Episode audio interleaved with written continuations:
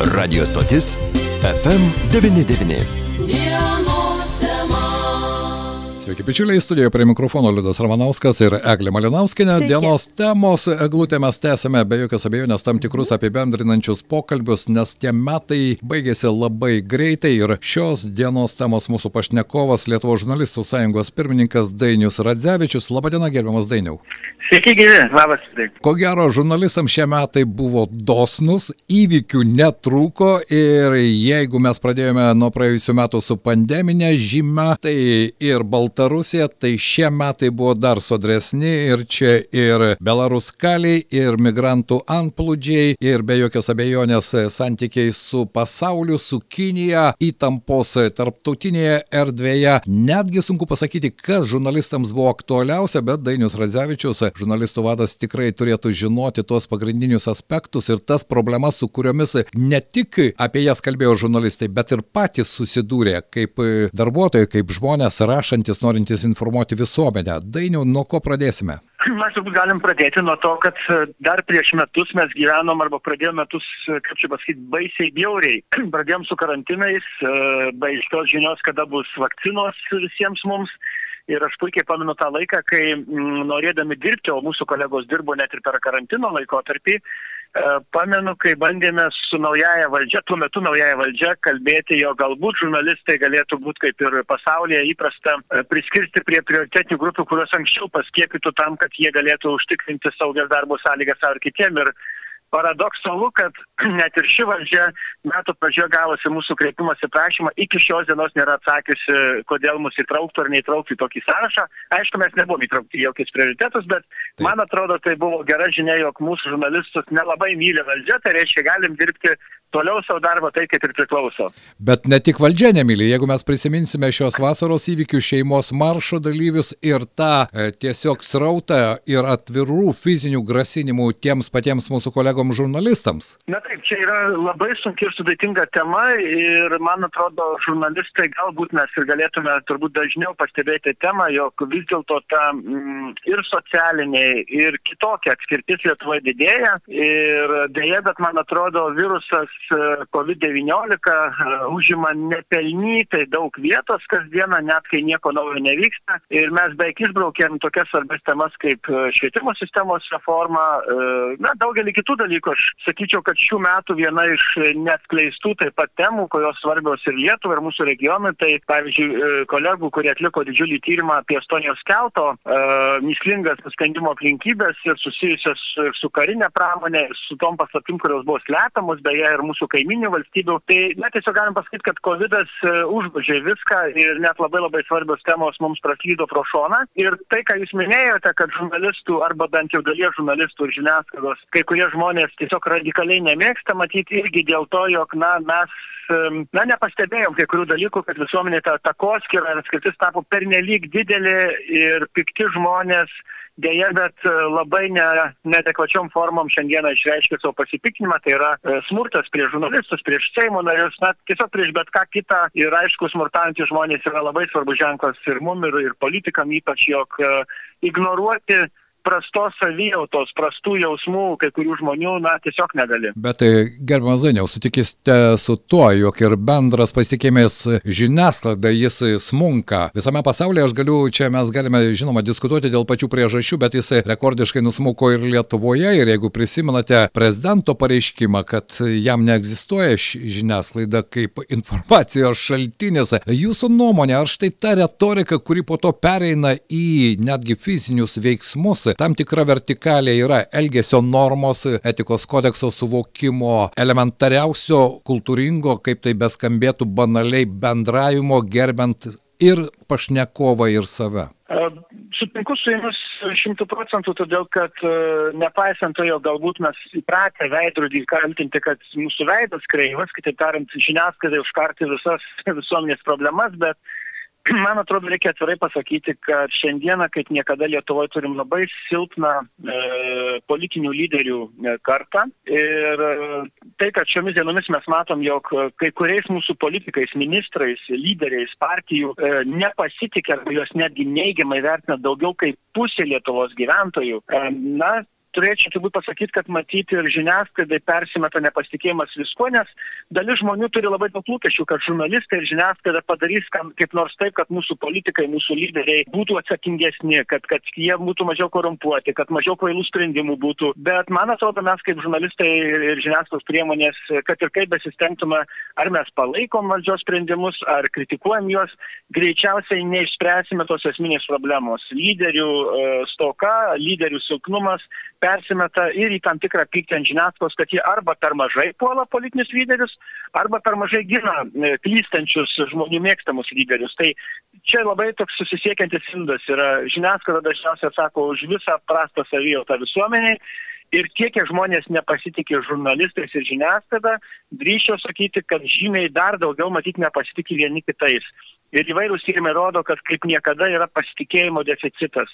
Ir ekspertais, ir medikais, ir politikais, ir, ir net ir žurnalistais, ir, ir patys vieni kitais iš tikrųjų rekordiškai mažai pasitikė žmonės. Ir, ir kažkaip norėtųsi palinkėti, kad kitą metą mes na, bandytume tą pasitikėjimo kreditą vien kitiems suteikti žymiai didesnį nei suteikia kreditus bankai. Bet tai, dainiau, sutikite su tuo, jog štai ir praėjusios savaitės paskaltas tyrimas, aš kalbu apie kritinį mąstymą, apie 11 procentų Lietuvos informacijos vartotojų tiks, tikslinasi, tikrinasi informaciją ir tai yra pats mažiausias rodiklis visoje ES, jeigu kalbėti apie tą bendruomenę, kurioje mes gyvename. Mano nuomonė, štai čia irgi yra viena iš tokių priežasčių, kuri po to gimdo nepasitikėjimą. Nepasitikėjimą žurnalistais, nepasitikėjimą valdžia, nepasitikėjimą savo kaimynų, o e, dažnu atveju priežastis yra mumise. Mes patys turime tą nepasitikėjimo geną savyje arba tam tikrą kompleksą kompleksą savyje, kurį bandome po to realizuoti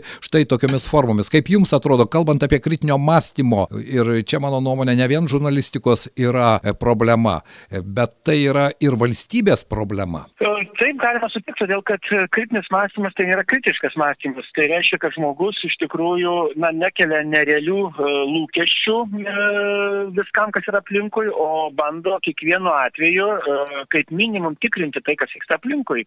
Įvykius, faktus, informacijos šaltinius ir, ir tai rodo tokį sveiką požiūrį, kad tu ne tai, kad aklai kažkuo pasitikė ir po to aklai nusivili, bet iš tikrųjų kiekvienu atveju žinodamas, kad žmonės nėra idealūs ir žiniasklaida nėra tobula, kad viskas gali būti pasikeitę net ir per, per dešimtį minučių, na, išlaikai tam tikrą šaltą blaivų protą, nuolat tikrindamas iš kelių šaltinių informaciją.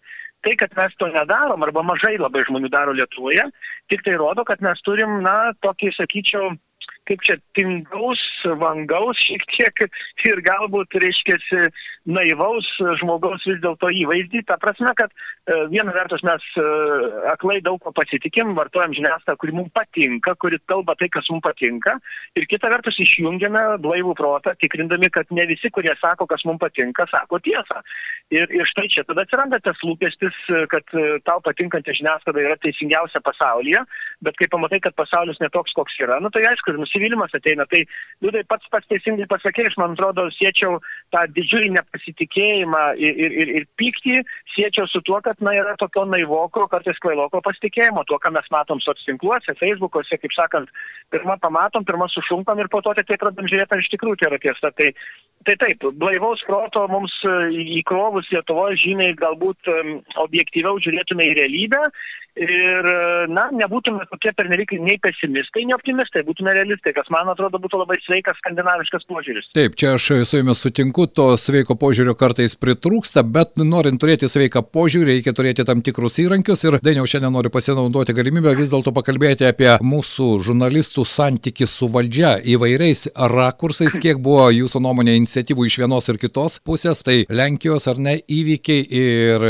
žmonės išėjo į gatves protestuodami prieš naują įstatymą, kurį prezidentas vis dėlto vetavo, aš kalbu apie kaiminę Lenkiją. Ir štai kiek tos prieš priešos ir racionalių sprendimų buvo santykiuose tarp žurnalistikos, žurnalistų ir, žinoma, valdžios atstovų, tame tarpe ir įstatymų kuriejų? Aš turbūt pradėsiu to, kad e, bent jau dalį e, per šios metus klaidų, kurios buvo ankstesnių valdžių padarytos, e, iš tikrųjų Seimas, Seime pavyko ištaisyti, pavyzdžiui, na vėl buvo pagaliau sutvarkytas klausimas, jog žurnalistai galėtų naudotis valstybiniuose registruose esančią informaciją ir tikrinti ten politikų, verslo įvairias sąsajas ir, ir, ir pabandyti kuo tiksliau pateikti informaciją. Tai, tai kad žurnalistai gali nemokamai gauti tos duomenys ir, ir, ir atidžiau dirbti, mano galva, yra labai geras sprendimas.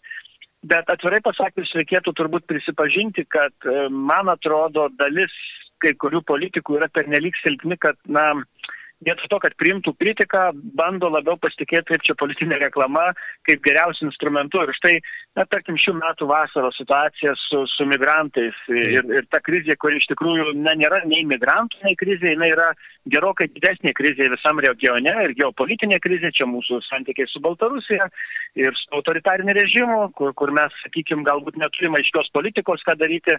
Tai, na, ji parodė, kad, pavyzdžiui, e, net mūsų žurnalistams nebuvo leidžiama kurį laiką apskritai patekti į pasienį ir pažiūrėti, kokia reali situacija.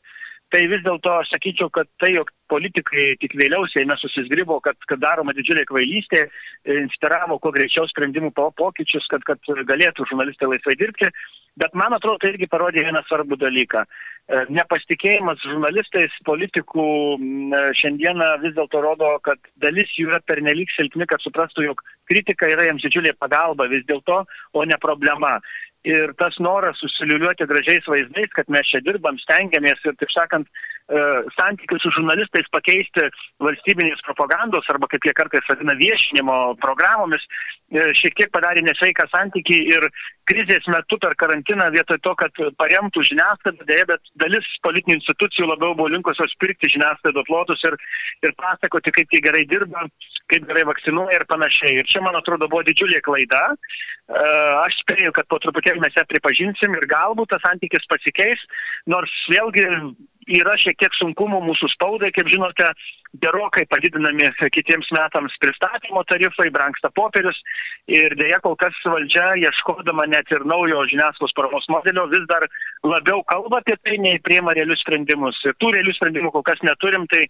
mano irgi palinkėjimas būtų kultūros ministerijai, Seimo kultūros komitetui, na, kuo greičiau rasti sprendimus, kad mūsų kolegos žurnalistai turėtų kur dirbti, kad išliktų redakcijos, nes šiandieną mes žinom, kad kai sunkiai gyvena redakcijos, pirmą, ką mažint kaštus turi, tai, tai, tai mažint žurnalistų kiek. Tai aš labai trumpą klausimą Dainiui Radzevičiui, Lietuvos žurnalistų sąjungos pirmininkui. Ar Lietuvoje egzistuoja valstybinis požiūris į žiniasklaidą? Um, aš sakyčiau, kad uh, valstybės politika šiuo klausimu kol kas, bet jinai, mano galva, nėra modernios valstybės politika. Uh, Ir e, aš turiu menė, kad e, dalis politikų kažkodėl žiūri į žiniasklaidą ir žurnalistus kaip tuos, kurie turėtų padėti valdžioje esantiems žmonėms e, dirbti lengviau ir įtikinėti žmonės, kad viską valdžia daro gerai ir tai toks yra senovinis 20 amžiaus požiūris.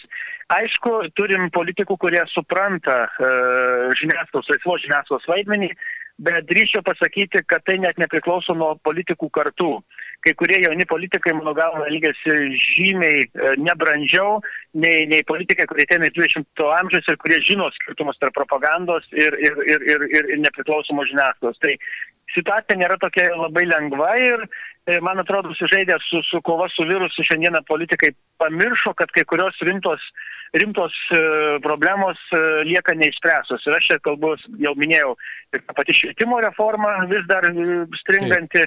Na ir valstybės paramos žiniasklaidai modelis, kaip aš minėjau, vyriausybės programoje įrašytas tas dalykas, bet kol kas jisai, sakau, labiau diskusijų objektas nerealių sprendimų.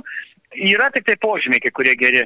Štai va, spaudos radio televizijos rėmimo fondas, kuris gauna iš biudžeto paramą, na šiais metais pas, paskelbė gerą žinią, kad 22 metų biudžetas didėja bent jau pusę milijono eurų, tai na šiokia tokia, sakyčiau, gera žinia, e, žinant, koks, koks didelis dabar infliacijos šuolis ir taip, taip toliau. Taip, be jokios abejonės, čia irgi atskira tema, kiek ekonomika spaudžia žiniasklaidą, kilančios kainos, pristatymo kaštai ir taip toliau ir taip toliau. Aš tikiuosi, kad kitais metais mes turėsime galimybę apie tai pakalbėti. Dainiau dar vienas klausimas. Štai ir gruodžio mėnesį Seimas vis dėlto išplėtė viešojo asmens savoką. Aš suprantu, kad galbūt paprastam klausytojui tai nieko nereiškia reiškia, bet e, tie, kurie susiduria su žiniasklaida, puikiai supranta, jog e, na, tai tikrai buvo reikalingas dalykas. Taip, tai trumpai kalbant, aš manau, kad tai e, turbūt turėtum padėkoti ir jaunam politikui Vytatui Kernagui, kuris vadovavo darbo grupėje ir kuris pasakė, kad na, iš tikrųjų nekarta, kad, kad, kad žodžio laisvės kaina yra palyginti maža, kiek jinai svarbi demokratijai.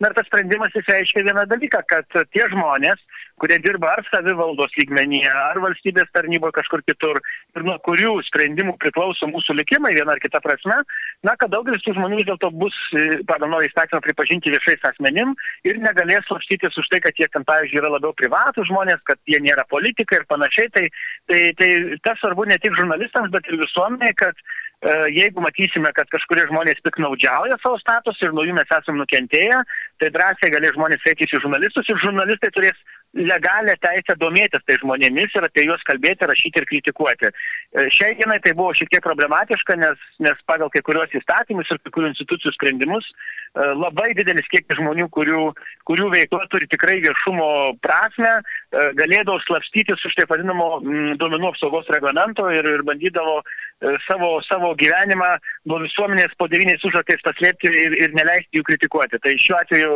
mano galva, čia yra geras sprendimas. Be jokios abejonės, aš su to sutinku, nes mes kaip redakcija ne vieną kartą esame susidarę, susidūrę ir su vietiniais politikais, kai tu negali gauti atsakymo, paaiškinimų gali būti įvairiausių, nuo to, kad tai paprasčiausiai niekas nekelia e, telefono ragelio, baigiant tuo, kad į tavo laiškus niekas nereaguoja. Aš tikiuosi, kad, na, po truputį galbūt tas požiūris keisis ir ne visi žurnalistai gali būti mikrofono stovų aptarnaujančių vienokią ar kitokią valdžios struktūrą. Tai norisi to palinkėti visai mūsų žurnalistiniai bendruomeniai ir kitiems metams. Ir baigiant pokalbį su Dainiumi Radzevičiumi, jeigu reikėtų šiuos metus sudėti, o jie iš tikrųjų buvo labai įvairūs, prisodrinti pačiais įvairiausiais įvykiais, ne viską mes palėtėme, čia ir kolegos Baltarusijoje, ir begalė įvairiausių problemų, ir gerų, ir e, labai blogų, bet vis dėlto jeigu galima būtų sudėti visus metus į vieną sakinį, Dainiau, koks tai būtų sakinys? Turbūt sakyčiau, kad buvo įdomus, sudėtingi metai, kurie padėjo mums e, atrasti naujų kūrybingų sprendimų. Tai tokie turėtų būti jie. Dainius Radzevičius, Lietuvos žurnalistų sąjungos pirmininkas, buvo mūsų dienos tamos svečias. Ačiū, kad suradote laiko ir tikėkime, kad kiti metai jie bus ne mažiau įdomus, bet galbūt kiek pozityvesni ir su pasitikėjimo, pasitikėjimo ženklu. Būtinai ir gerų mums metų, sėkmingų metų. Ačiū. Na, o aš trumpai priminsiu, kokiegi metai, jeigu taip e, eglutę pažvelgti į tą dešimtmetį, kuris labai greitai prabėgo, buvo tų pačių mūsų kolegų žurnalistų e, tokie svarbiausi brožai. Jeigu prisiminsime 11 mhm. metus, prisiminate Lietuvoje Snoro banko nacionalizavimas ir bankrotas, o pasaulyje prasidėjo arabų pavasaris. 2012 metais Lietuvoje Seimo rinkimai pasaulyje atsirado Junktinio Amerikos valstijų prezidentas Barackas Obama antrai kadencijai. 2013 Lietuva pirmininkavo ES tarybai pirmą kartą, na, o pasaulyje popiežiaus Pranciškaus išrinkimas 2014 Lietuvoje dujų terminalo įrengimas pasaulyje Rusijos agresija Ukrainoje. 2015 metais Lietuvoje euras įvestas pasaulyje prasidėjo didžioji migracijos krizė, kai milijonai žmonių plūdo į Europą. 2016 Lietuvoje vyko Seimo rinkimai, o pasaulyje atsirado dar vienas fenomenas. Donaldas Trumpas tapo Junktinio Amerikos valstijų prezidentu. 2013 buvo labai gera žinia, džiugi žinia Lietuvoje vasario 16-osios akto atradimas ir Liudas Mažylis e, buvo liaupsinamas Tikrai visus taip. metus, o pasaulyje amerikiečiai pradėjo trauktis iš pačių įvairiausių tarptautinių susitarimų, tai Donaldo Trumpo Amerika pirmiausia ir didžioji Amerika pirmiausia principo įgyvendinimas. 2018 metais Lietuvoje viešėjo popiežius Pranciškus, o štai, jeigu prisimenate, Sergejaus Krepalio ir jo dukters apnuodėjimas buvo Didžiojoje Britanijoje, tai buvo metų įvykis. 2019 Lietuvoje Gitano Nausėdos pergalė prezidento rinkimuose su begalė lūkesčių. Na, o pasaulyje protestai Hongkongė, kurie buvo nuslopinti. Praėję metai ir Lietuvoje, ir pasaulyje, žinoma, tai buvo pandemija, koronavirusas ir karantinai, lockdownai ir taip toliau. Ir štai 2021 taip pat baigėsi. Įvykių labai daug. Jeigu reikėtų išskirti vieną, net neįsivaizduoju, ką reikėtų, ką jūs liūdai išskirtumėt vieną tai, kaip Lietuvos arba ir pasaulio. Labai sudėtinga. Iš mm. tikrųjų, nes kiekvienas įvykis, jie kaip susisiekintis indai, jie neturi pradžios ir pabaigos, jie iš tikrųjų plinta per įvairiausias formas nuo ekonomikos, politikos iki kasdieninio gyvenimo. Ir ko gero ir mūsų pašnekovai pažymėjo tai, kad įvairių įvykių gausa pasižymėjo šie 21 pirmieji metai, besibaigiantis metai, norisi palinkėti, kad tarp tų įvykių gausos buvo ir labai džiugių akimirkų, galbūt jūsų šeimoje, jūsų artimoje aplinkoje, galbūt anūkai gimė, galbūt vaikas pradėjo eiti į pirmąją klasę ir nenuotoliniu būdu, galbūt atsitiko dar kažkas džiugaus jūsų asmenėme gyvenime. Tad nebejoju, kad kiekvienas žmogus gali surasti ir tarp tų gausybės pačių sudėtingiausių įvykių ir šiek tiek daugiau optimizmo ir šypsenos. Na, tu tikrai labai norėtųsi linkėti ir labai linkime, kad pasitinkant 2022 metus prisimintume ne tai, kas blogo buvo, ar įtempto, ar sunkaus, bet tai, kas buvo gero. Kaip sakant, net ir kai labai labai daug blogų dalykų būna, netgi verta turėti užrašų knygelę, kurioje jūs rašyti šiandien, pavyzdžiui.